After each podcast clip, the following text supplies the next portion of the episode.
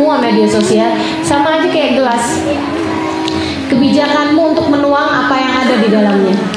Kan gitu ya? Kalau yang dituangin di situ adalah air zam-zam, kamu bahkan sunnah meminumnya.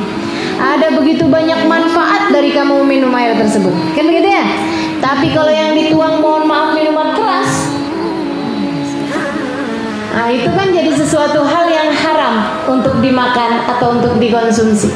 Kalau kemudian yang dituangkan misalnya um, sirup, ya kan, yang sangat-sangat um, apa namanya mem membuat orang lain ingin meminumnya, teman-teman sih sekalian saya kan itu berbahaya buat orang yang kena diabetes, kan gitu ya, yang punya diabetes. Nah itu seperti itu teman-teman sih sekalian, pandai-pandailah, bijak-bijaklah dalam menuang dalam gelas media sosial tersebut sehingga ianya bisa jadi saksi kebaikan-kebaikan kita.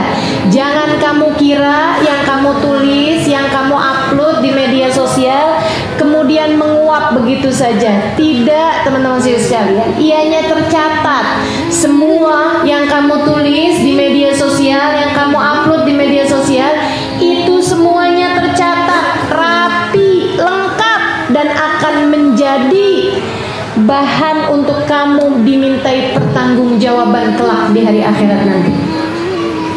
Akan menjadi pertanyaan demi pertanyaan para malaikat-malaikat nanti. Maka berhati-hatilah yang pasti-pasti aja sebarkan kebaikan-kebaikan insya insya Allah